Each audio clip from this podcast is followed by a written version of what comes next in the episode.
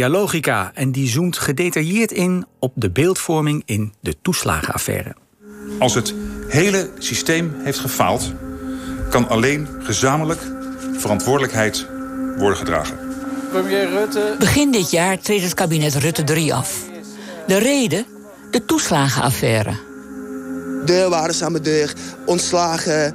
Ehm, ik uh, heb mijn huwelijk verloren. Dat kwetst het meest, dat je gewoon gezien wordt als een fout persoon. Hoe diep kan je zinken in tien jaar tijd? Een ramp in slow motion, zo werd het ook wel genoemd tijdens de verhoren. Hier is een, een, een verschrikkelijk ongeluk gebeurd. Een verschrikkelijk ongeluk. Het is de bal die het ravijn inrolde en niemand stak de poot uit. Het hoofdpijndossier van Rutte 3 omvat ongeveer 30.000 gedupeerde gezinnen... en strekt zich uit over een periode van 15 jaar. En nog steeds wacht ik.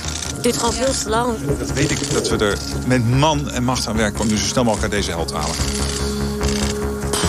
De volksvertegenwoordigers zijn nu aan zet... en dan is het belangrijk om uh, gewoon te luisteren.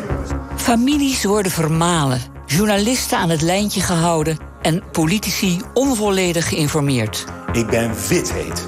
Het ministerie wist het al acht maanden. En al die acht maanden zitten die ouders in de ellende, worden het huis uitgezet. Gekker moet het niet worden. En dan is deze notitie niet naar de commissie doorgegaan. Wat voor werk ben ik aan het doen, voorzitter? Ik kan wel wat anders gaan doen. Ja, befaamde woorden inmiddels van CDA-Kamerlid Pieter Omtzigt. Ik kan wel wat anders gaan doen. Vol cynisme uitgespuwd naar het zoveelste bewijs van tegenwerking... die hij vanuit de regering ondervond in de toeslagenaffaire. Of beter, het toeslagenschandaal. Samen met Renske Leijten van de SP beet Omzicht zich vast in dat drama. En we weten inmiddels waar dat toe leidde. De val van het kabinet Rutte 3 begin dit jaar... gevolgd afgelopen donderdagnacht door de bijna val van Mark Rutte zelf. Vanwege de onwaarheden die hij verkondigde... en de gebrekkige openheid die hij betrachtte... over dat mysterieuze zinnetje in de aantekeningen van Kajsa Ollongren positie, omzicht, functie elders. Nou, daar gaan we het nu niet over hebben, maar wel over die toeslagenaffaire. Want de collega's van Argos Medialogica maakten daar een reconstructie van, die morgenavond wordt uitgezonden op NPO 2. Hansje van der Beek, welkom. Dankjewel. Je hebt deze uitzending gemaakt samen met je collega Noordin Lasvar. Um, ja, die toeslagenaffaire, dat, of dat schandaal, dat is volgens velen begonnen met een eerdere kwestie, de Bulgaren fraude. Het ging over Oost-Europeanen die in grote aantallen via allerlei constructies profiteerden van de toeslagen in het uh, belastingssysteem. Was in 2013. In de beeldvorming is dat het moment waarop uh, nou ja, de Belastingdienst heel hard ging optreden tegen die mogelijke fraudeurs. Klopt dat nou wel? Gedeeltelijk. Op een bepaalde manier wel. Um, de toeslagenaffaire of, uh, is enigszins daarmee begonnen. Je hebt de Bulgarenvrouw, dus 2013 inderdaad. Um, Wekers komt dan, staatssecretaris Wekers komt in de problemen. Een groot verhaal. Um, en er worden dan wat maatregelen genomen. Een van die dingen is dat een CAF-team wordt opgezet. Dat wordt achteraf nu een beetje gezien als het cowboy-team van de Belastingdienst. Dat gaat heel... met een C, cowboy-team. Precies. en zij gaan op zoek naar de facilitator, noemen ze dat, van uh, fraude. En dat gaat wel flink aan de gang. Uh, maar die maakt wel gebruik van de wet die al lang bestond. Dus, uh, ja, En of RTL Nieuws heeft niet zo lang geleden dat ook nog een keer gebracht. Dat diezelfde methode, dus het stopzetten van toeslagen voordat je eigenlijk al weet dat er echt fraude is. Dat bestond al lang. Maar dat is toen wel um, nou, een beetje op hol geslagen, laten we het zo zeggen. Ja. En die harde aanpak die valt niet bij iedereen dan in de smaak. Je zou dan denken, nou hier komen Pieter Omzicht en Renske Leijten uh, om de hoek uh, kijken. Maar nee, jullie kloppen dan in de uitzending aan bij Tjitske Siderius. Zij kwam toen, ze zat toen in de Tweede Kamer voor de SP. Ook voor de SP, ja. Ja, weinig mensen zullen haar naam verbinden met de toeslagenaffaire. Maar zij is dus degene die dit aan de orde bracht als eerste? Nou, wat je ziet is, um, er zijn met, met terugwerkende kracht, met de kennis van nu kunnen we een paar momenten zien dat je denkt, ah, daar was het misschien wel naar boven kunnen komen. En sporadisch komen de problemen met die toeslagen en die mensen die vreselijk grote bedragen moeten terugbetalen, komen in het nieuws. Bijvoorbeeld in Hart van Nederland zit een gezin dat 150.000 euro moet terugbetalen omdat ze een handtekening ergens niet onder hebben gezet of een adres niet opgegeven. Nou, daar gaat bijvoorbeeld Chitskaderius um, ehm, kamervragen over stellen. Van hoe zit dat? Kan dat überhaupt? Dat door zoiets kleins zo'n probleem komt. Nou, dan wordt ze een beetje afgewimpeld. Ja, dat, kan, dat klopt niet. Er zal wel iets anders aan de hand zijn. Een paar uh, een jaar later, volgens mij, komt dan um, opgelicht met een verhaal. Eigenlijk een beetje hetzelfde probleem. Hè? Er een hele groep mensen toeslagen stopgezet, totale problemen. En dan gaat ze motie indienen. Van jongens, dit moet toch niet de bedoeling zijn? Wordt volledig weggestemd. Hmm. Door de- nou, echt, volgens mij zijn er 30 eh, eh, leden die meestemmen. En nog een keer een motie. Kunnen we dan niet een, een soort onafhankelijk team opzetten die hier naar kijkt? Nou, zegt Ascher, nee joh, daar hebben we de ombudsman voor, een rechter. Nou, die worden ook ingezet, maar dan later. Maar ook die hebben natuurlijk achteraf gezien niet echt geholpen. Nee. Dat heeft zelfs dat, de rechter en ook de ombudsman... krijgt het niet voor elkaar om die toeslagenaffaire echt naar boven te trekken. Dat lukt later wel, eh, eh, maar ook met veel duwen en trekken door een advocaat, Eva González Perez. Zij springt in de bres voor veel gedupeerden die onder andere klant zijn bij het gastouderbureau van haar man. Hè, die op dat moment met het gastouderbureau in, in, het, in het vizier was gekomen van de eh, Belastingdienst. Zij kaart die kwestie aan bij alles en iedereen. Wie, wie, wie benadert zij allemaal? Nou, echt eigenlijk niet, alles. hè? Ze is advocaat, dus ze gaat eerst natuurlijk gewoon het, het recht in. En tot aan de Raad van State, eerst krijgt ze steeds geen gelijk. Want de bestuursrechter kijkt eigenlijk alleen van... mag de Belastingdienst dit doen? Nou, de rechter beslist van ja, het mag wel als je de, recht, wet zo in- interpreteert... dan mag dat nou eenmaal. Dus daar krijgt ze steeds eh, nee. Uiteindelijk krijgt ze één, één rechtszaak, lukt wel... Ehm, en dan gaat ze naar de ombudsman. Want eigenlijk gebeurt er dan nog niks. De ombudsman schrijft een enorm kritisch rapport. Wordt eigenlijk daarna ook niet echt opgepakt. Ze gaat naar de autoriteit persoonsgegevens. Eh, omdat zij herkent dat er misschien wel iets van discriminatie zou kunnen zijn. Ze gaat naar de kinderombudsman. Ze gaat naar, even denken hoor, volgens mij. Pieter Klein, hè? Uiteindelijk gaat ze naar de media. Journalisten, Ja. Ehm, ja, en naar de Volkskrant.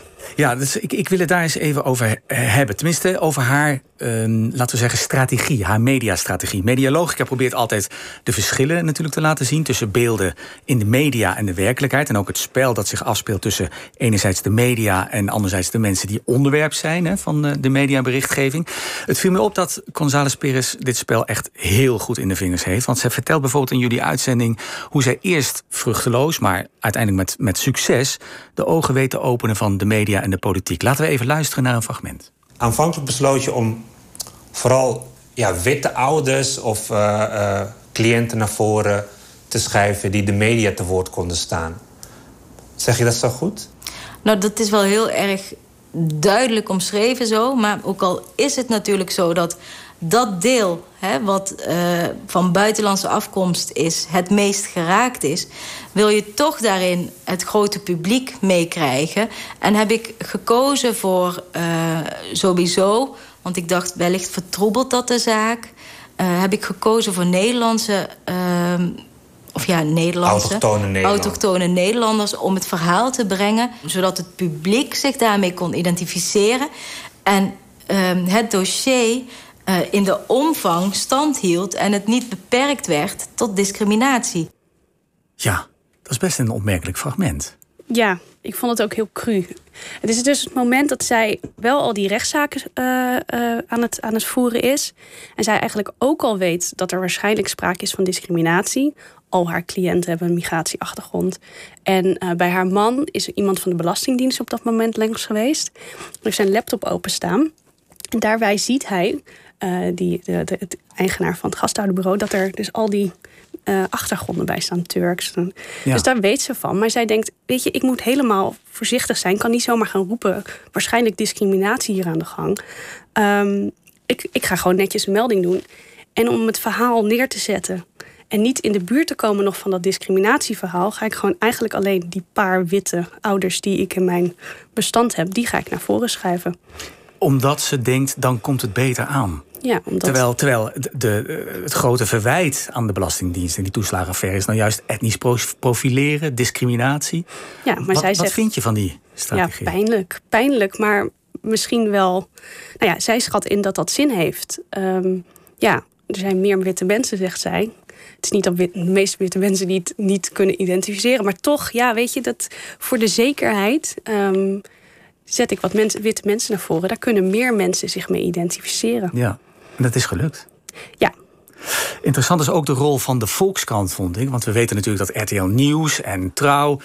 eh, die hebben samen met de Kamerleden Omtzigt en Leijten... eh, deze affaire blootgelegd. Onder meer dus met behulp van eh, González Perez, de advocaten. Maar zij klopte eigenlijk eerst aan, niet bij RTL Nieuws en Trouw, maar bij de Volkskrant. Ja, al in echt al volgens mij al in 2017, 2018. En daar ving ze bot. Ja, ja, zij hebben al eerder, ze hebben dat, was dat het rapport van de ombudsman heel eh, kritisch. Dat hebben zij op de voor, eh, voorpagina gehad. Dus zij dacht, nou, daar moet ik zijn. Die zijn bezig met dit onderwerp. Dus zij heeft een mail gestuurd, heel uitgebreid, met alle links en alles hoe het zit. En dat zij er maar niet doorkomt. En het probleem bestaat nog. En, en zij pikken het niet op. Um, zijn verhaal is een beetje van dat ze niet inzagen dat het nog steeds een verhaal was. Het was zij, zij, zagen gewoon van ja, het is een beetje hetzelfde verhaal. We gaan het niet nog een keer brengen. Weet je, het stond al op de voorpagina. Wat moeten we er nou nog mee? En hij zegt achteraf hebben we gewoon heel verkeerd ingeschat dat dat ook dat dat het verhaal was. Dat je zelfs als je alle gelijk aan jouw kant hebt, dat de Belastingdienst nog steeds denkt: wij gaan door met procederen. Ja, ja, ja, interessant dat hij dat inkijkje geeft. Pieter Klok, de hoofdredacteur van de Volkskrant. Hij is ook openhartig over de invloed althans volgens zijn zeggen, van de Belastingdienst. Hè? Die de, die, de invloed die de Belastingdienst probeerde uit te oefenen op de berichtgeving van de Volkskrant. Hoe zit dat precies? Nou, hij vertelt bij ons dat um, via de communicatieafdeling. Um, nou ja, hij noemt het een zweem van verdachtmaking nog rond dat uh, gastouderbureau Dadim. En dat is ingewikkeld, want er is een onderzoek geweest, maar dit is geen fraudeonderzoek. Het is eigenlijk altijd al bekend dat daar dus geen fraude heeft plaatsgevonden. Um, dus hij zegt, ja, we zijn een beetje beïnvloed daardoor.